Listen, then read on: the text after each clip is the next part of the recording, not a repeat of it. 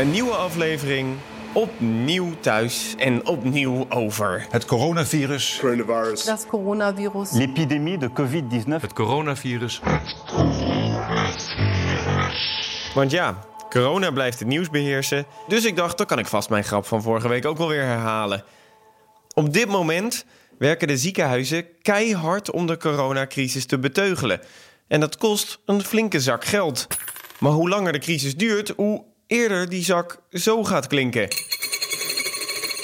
En daardoor kunnen ziekenhuizen dus ook in financiële problemen komen. En dat wil niemand.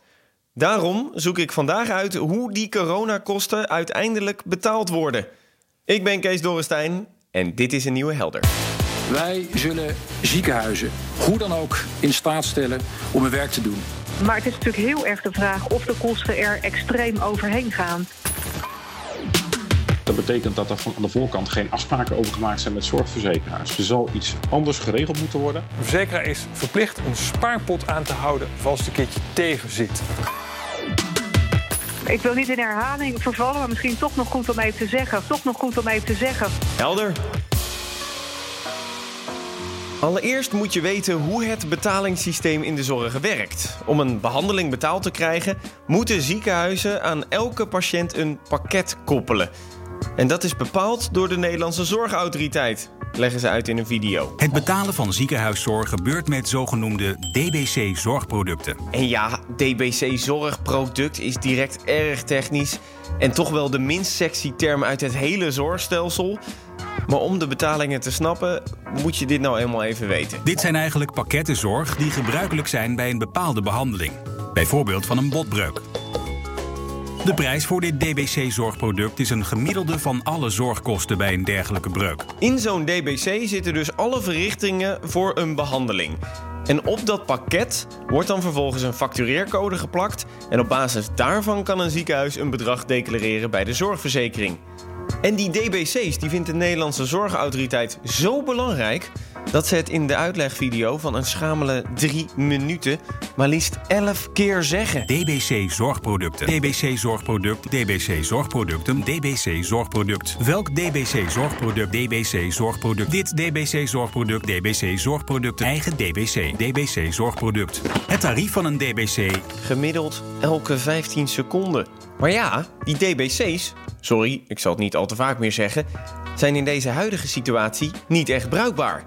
Vertelt Chris van den Haak, die voor accountantsorganisatie BDO de financiële gezondheid van ziekenhuizen monitort. Er zijn geen standaard betaaltitels. Er is geen standaard, standaard behandeltraject. Uh, hoe zeg maar zo'n uh, ja, coronapatiënt behandeld gaat worden. Dus dat betekent dat er van aan de voorkant geen afspraken over gemaakt zijn met zorgverzekeraars. Dus, dus er zal iets anders geregeld moeten worden om dit uh, uiteindelijk goed betaald te krijgen. Ja, en nu hoor ik je denken, al die DBC-info, die kan direct de shredder in. Uh, nee. De Nederlandse Zorgautoriteit die heeft namelijk een speciale code verspreid die ziekenhuizen aan DBC's van coronapatiënten kunnen plakken, zodat ze later kunnen bewijzen dat ze meer kosten hebben gemaakt. Maar wat die precieze prijs dan wordt van die behandeling, dat moet gewoon nu nog bepaald worden door de ziekenhuizen en de zorgverzekeraars. Dus toch wel een beetje. Door naar de ziekenhuizen dan. Want door de coronacrisis komen die nu wel financieel onder druk te staan, vertelt Chris van den Haak. Nou, je ziet dus dat uh, de, de opbrengsten van de reguliere zorg uh, vallen grotendeels weg bij heel veel ziekenhuizen. Hè, omdat de planbare zorg gewoon echt uh, uitgesteld is. Uh, terwijl tegelijkertijd de, de kosten uh, door blijven lopen en ook enorm toenemen, omdat juist de coronapatiënten natuurlijk uh, ja, geholpen moeten worden. Nou, en die twee pijlers, ja, dat wil natuurlijk niet zeggen dat het precies tegen elkaar wegvalt. Dus dat betekent ja, waarschijnlijk dat heel veel ziekenhuizen meer kosten zullen maken. Maar per saldo weet je op dit moment nog niet wat het effect daarvan is. Ja, ziekenhuizen hebben bijvoorbeeld meer kosten aan extra beademingsapparatuur en extra bedden, terwijl het vaste inkomen van de geplande zorg er niet is. En daarbij moeten ziekenhuizen wel betalen voor bijvoorbeeld Frank. Hallo, mijn naam is Frank Ruizen. Ik ben orthopedisch chirurg. Ja, die heb ik in een willekeurige online zorgvideo gevonden. En Frank die heeft sympathieke motto's. Ik heb geen patiënten, ik heb eigenlijk cliënten. En Frank die is heel goed in het behandelen van ellebogen en knieën. Maar ja, in knieën zit geen corona. Dus ja, Frank. Ik heb geen patiënten. Precies. En een ziekenhuis moet wel het salaris voor medewerkers als Frank wel blijven betalen. Daarbij moet ik wel zeggen dat er ook artsen zijn die extra trainingen volgen om toch te kunnen helpen in deze tijd. En dus dat Frank misschien wel patiënten heeft. Ik heb geen patiënten. Ik heb eigenlijk cliënten. Ah, natuurlijk. Maar ja, het omscholen van die artsen, dat kost ziekenhuizen dan ook weer extra geld. De coronacrisis is dus duur. Maar gelukkig hoeven de ziekenhuizen zich geen zorgen te maken dat ze in financiële problemen komen. Dat beloven in ieder geval de overheid en de zorgverzekeraars. Minister Hoekstra zei namelijk dit. Wij zullen ziekenhuizen, verpleegkundigen en artsen hoe dan ook in staat stellen om hun werk te doen.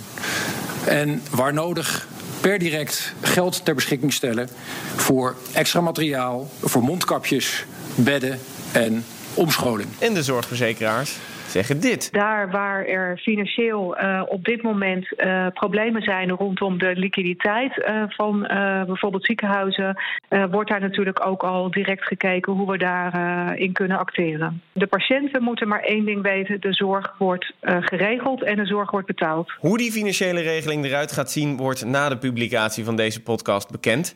En je hoorde hier trouwens Petra van Holst van koepelorganisatie Zorgverzekeraars Nederland die zelf ook de druk voelt van de situatie. Nou, ik slaakte net voordat jij aan de lijn kwam een hele diepe zucht. maar ze klaagt niet. Maar tegelijkertijd denk ik dan, ja, weet je, wij moeten niet klagen. De, de mensen die in de ziekenhuizen nu uh, de coronapatiënten moeten opvangen, die hebben het vele malen zwaarder. Hè? Dus uh, het is geen klacht, maar het is wel hectisch. Dan over die kosten. Want bij wie liggen ze nou? Nou, simpel gezegd. De coronazorg is gewoon uh, zorg vanuit de basisverzekering. Dus als patiënt ben je hooguit je eigen risico kwijt als je naar het ziekenhuis moet. De overheid betaalt wat en de rest moet dus betaald worden door de zorgverzekeraars. En die hebben daarom ook afgesproken om de kosten te delen. Het is trouwens ook gewoon hun taak om tijdens zulke medische noodsituaties te betalen. Want... De verzekeraar is verplicht een spaarpot aan te houden als het een keertje tegen zit. Dankjewel Peter van Zadelhof. De totale buffers van de zorgverzekeraars moeten minimaal 7 miljard zijn en zijn nu rond de 9 miljard. En mochten de zorgverzekeraars financieel in de problemen komen door de crisis, dan kunnen ze altijd nog een extra beroep doen op het ministerie van Volksgezondheid, vertelt Petra van Holst. Er worden natuurlijk voorzieningen aangehouden en die worden aangehouden om in tijden dat dat nodig is om die voorzieningen aan te kunnen spreken. Uh, dus dat is eigenlijk het allerbelangrijkste. En daar waar er echt aanzienlijk meer kosten worden gemaakt als dat wij zelf zouden kunnen betalen, dan is er in het allerlaatste geval is er inderdaad een terugvaloptie waarbij we uh, kosten uh, met VWS kunnen gaan ver, kunnen verrekenen. Nu is het natuurlijk wel zo dat wij de zorgverzekeraars weer betalen via belastingen, premies en de zorgverzekeringen. En die verplichte buffer die nu wordt aangeboord, die speelt daarbij wel een rol. Die buffer bepaalt het verschil in premie tussen de verzekeraars. Als die buffer al hoog genoeg is, kan er geld uitgehaald worden om de premie weer te verlagen. Dankjewel weer, Peter. Gaan we volgend jaar niet gewoon meer betalen omdat zorgverzekeraars dit jaar meer moeten uitgeven? Petra van Holst zegt dat dat nog niet zeker is. Maar het is natuurlijk heel erg de vraag of de kosten er extreem overheen gaan. Want een ander punt wat goed is om onder de aandacht te brengen... is dat er natuurlijk ook heel veel eh, zeg maar reguliere geplande zorg wordt uitgesteld. Omdat de ziekenhuizen zich volop voorbereiden op de coronazorg. Dus ik zou nu nog niet de uitspraak willen doen... dat wij uh, over de oorspronkelijke raming heen gaan. Dat zullen we echt nog moeten zien. En dat is gewoon veel te vroeg om dat, uh, om dat nu al te zeggen. Petra heeft een punt van die uitgestelde geplande zorg.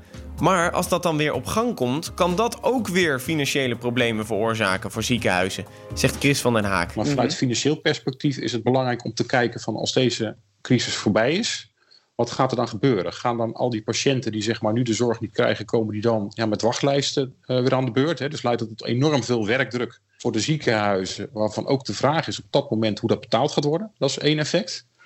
Een ander effect is dat een deel van de zorg die gepland uh, was, dat die vervalt, maar uiteindelijk ook nooit geleverd wordt. Dat is ook een interessante. Dat, dat zagen we ook met uh, ja, de faillissementen van uh, Slootvaart en IJsselmeer.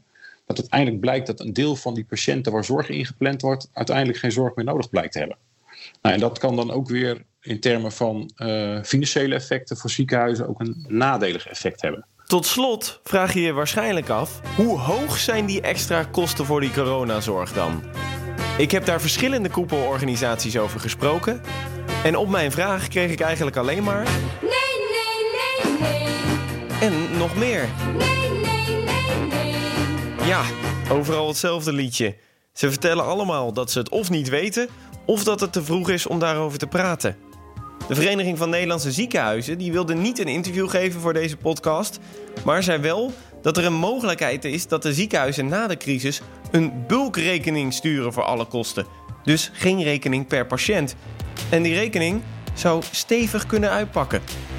Voorlopig beloven de twee belangrijkste geldschieters in ieder geval Ik wil niet in herhaling vervallen, maar misschien toch nog goed om even te zeggen: voor zorgverzekeraars staat echt de zorg voorop. Wij zullen ziekenhuizen, verpleegkundigen en artsen hoe dan ook in staat stellen om hun werk te doen. En laten we hopen dat de rekening achteraf dan weer geen issue wordt. Helder?